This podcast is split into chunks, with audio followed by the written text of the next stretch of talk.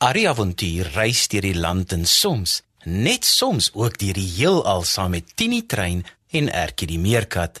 Hy's bang vir niks en saam met sy maats verskaf hulle vermaak aan groot en klein. Klim op maats, die storietrein gaan vertrek.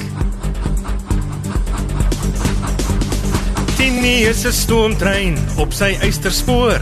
Arrie is sy passasier, hy soek avontuur. Die Bybel is hul kompas, dit hou hul op die spoor. Van alles wat met jou gebeur, kan jy by hulle hoor.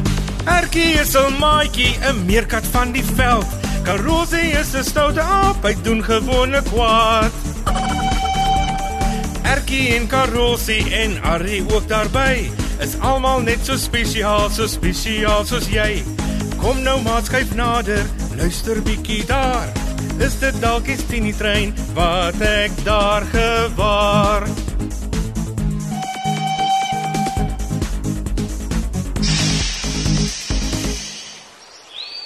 Goeiemôre, goeiemôre. Hoe gaan dit hier? Hallo Arrie, gaan ons vandag die bedelaar by die hek help? Hallo Ari. Hallo oom Koos. Hallo Tini.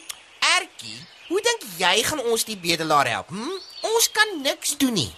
Ons is diere en hy sal ons nie eers kan verstaan as ons met hom probeer praat nie. Julle het hom al klaar gehelp deur vir ons te roep en vir my van hom te vertel. Gaan jy hom ook gesond maak soos wat Petrus die krepelman gesond gemaak het, Arrie? O oh, ja. Hoe het hy dit reg gekry om te help? So by the way, hè? Gaan jy hom geld gee of gaan jy hom kos gee, Arrie? Sien nou, hoe gaan jy hom help, Arrie? Hy's nie krepeel nie. Dis nie sy probleem nie.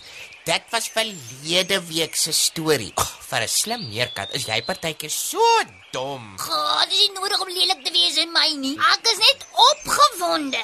Dat ons iemand kan gaan help saam met Arrie. Toe nou maar julle. Ek verstaan dat jy opgewonde is, Ertjie. Ek kan hoor jy vra sommer weer 'n klomp vrae op een slag. Eh, Dit help nie julle probeer iemand help en dan is julle lelik met mekaar nie, Karolsie. Julle moet ook goed wees vir mekaar. Ek en hom Koos gaan nou-nou na die hek toe stap en gaan kyk of die man daar is vandag en met hom gesels. Hoe gaan dit hom help as jy nie met hom gesels?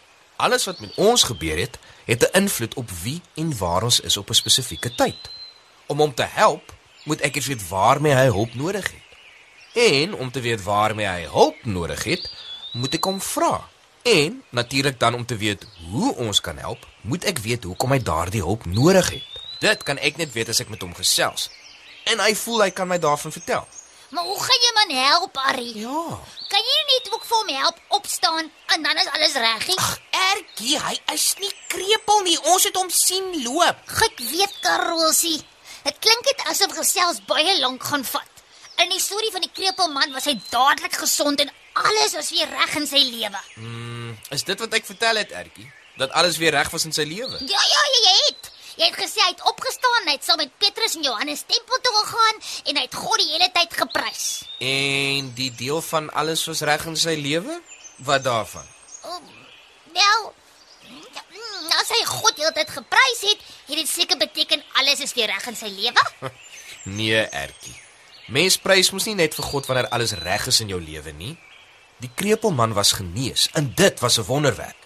Hy het weer 'n kans gehad om dinge in sy lewe reg te maak en dinge te doen wat hy andersins nie sou kon doen. Hy het uitgevind wie Jesus was. Met ander woorde, hy het die evangelie gehoor. Hy kon ook van die Heilige Gees leer. Hy het die kans gehad om self tempel toe te stap en meer van God te leer en dinge te leer wat hom verder kon help om sy lewe goed te maak. En dis daarvoor dat hy God geprys het. O, oh, Ari, as die man by die park se hek krepeel was, sou jy hom ook ongesond maak? nou, hoe is jou vraag anders as myne Karolsie? Man, jy het nou baie vrae gevra. Man, Julle twee, praat mooi met mekaar. Karolsie, in die vroeë tyd van die Christelike kerk het die apostels wonderlike krag gehad wat deur God aan hulle gegee was. deur die Heilige Gees. Net so. Die mense wat gesien het hoe Petrus die kreupelman gesond gemaak het, was baie verbaas en hulle het om hom saamgedrom om te sien wie en wat hy is. Petrus het die mense gevra hoekom hulle so verbaas lyk. Asof hulle dink hy wat Petrus is, het dit uit sy eie krag gedoen. Hy het ook gevra of hulle dan vergeet het dat Jesus die krag van die Heilige Gees gee vir enige iemand wat glo dat hy God se seun is. en as hulle glo dat hy dood was en toe weer wakker geword het. Hulle het vergeet. Of hulle was nie by toe die Heilige Gees die eerste keer oor die apostels uitgegooi is nie, Ertjie. Hulle het dalk nog nie geweet nie. Ehm, um, ek dink hulle is al twee reg. Want tussen die mense was ook mense wat in die skare was toe hulle moes kies tussen Jesus en die moordenaar Barnabas. Onthou julle nog daai storie? Nou kan dit nie onthou nie, Arrie. Uh, wat bedoel jy? Hulle moes kies. Dit was mos die Romeinse soldate wat hom doodgemaak het. Ja, maar die baas van daardie tyd, die Joodse priesters, het Jesus na die Romeine toe geneem. Eers eintlik na Pontius toe en net daarna na Pilatus toe. Nie een van hulle kon 'n rede vind om Jesus dood te maak nie, maar hulle was bang dat die Joodse priesters die mense sou kwaad maak en dit sou probleme vir die Romeine veroorsaak. Hulle was nie lus om daarmee te sukkel nie. Toe laat hulle die mense self kies tussen Jesus wat niks verkeerd gedoen het nie en iemand wat almal geweet het moord gepleeg het. O, ek sien. Hulle het gedink hulle gee die mense 'n maklike keuse. Want wie sou nou 'n onskuldige mens wat ander mense help laat doodmaak en 'n moordenaar laat vrygaan? Oh, dit was slim dat hy hulle laat kies het. Net so. Maar wie sou nou kon dink mense kan sulke swak besluite neem? Petrus het hulle daaraan herinner en vir hulle gesê dat hulle kans het om vergeef te word en te sien hoe groot God se krag en genade is deurdat dit geloof in Jesus is wat die krepelman gesond gemaak het. So, deur die krepelman gesond te maak, het Petrus nie net die krepelman probeer help nie, maar hy het ook die mense wat nog nie van die evangelie geweet het nie, probeer help om ook daarvan te leer. Net so. Ha! Maar jy het nog nie geantwoord nie. Beteken dit julle sou die man by die park hek ook kon gesond maak as hy krepeel was? As dit is wat hy nodig gehad het, Karolsie, is niks vir God onmoontlik om te doen deur die mense wat hy gebruik om sy wil te laat gebeur nie. Hoe dink jy? Is die krag van die Heilige Gees minder vandag as in die tyd van die apostels? Hmm, ek weet nie. Ek sien nie baie mense wat mekaar op daardie manier help nie, Arrie. Dit is goed as jy die man by die hek kan help. Watter hulp hy ook al mag nodig hê. Ja, Arrie. Jy het ons al so baie keer gehelp met dinge. Ag, ek is bly jy kan dalk die man ook help. Reg. Bly julle twee maar eers hier voor julle in die moeilikheid kom omdat die hekwagte dink julle bedel kos by die mense. Ek en hom Koos gaan nou met die bedelaar gesels. En wanneer julle ons weer sien, sal ons alles vertel wat daarna gebeur het. Ek is so trots op julle dat julle hom wou help en dat julle ons gevra het om julle daarmee te help.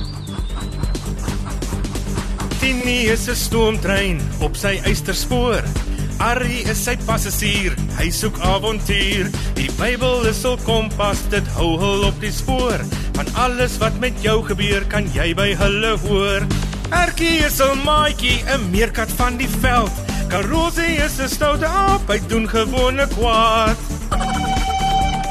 Erkie en Karosie en Arrie ook daarby. Is almal net so spesiaal, so spesiaal soos jy. Kom nou maat skuif nader, luister bietjie daar. Is dit dalk die Tini trein wat ek daar gewaar? Die avonture van Arrie en Erkie is geskryf deur Elsie Stander. Dit word opgevoer onder spelleiding van Lazelle de Bruin, tegnies versorg deur Neil Roo en vervaar deur Wordwise Media.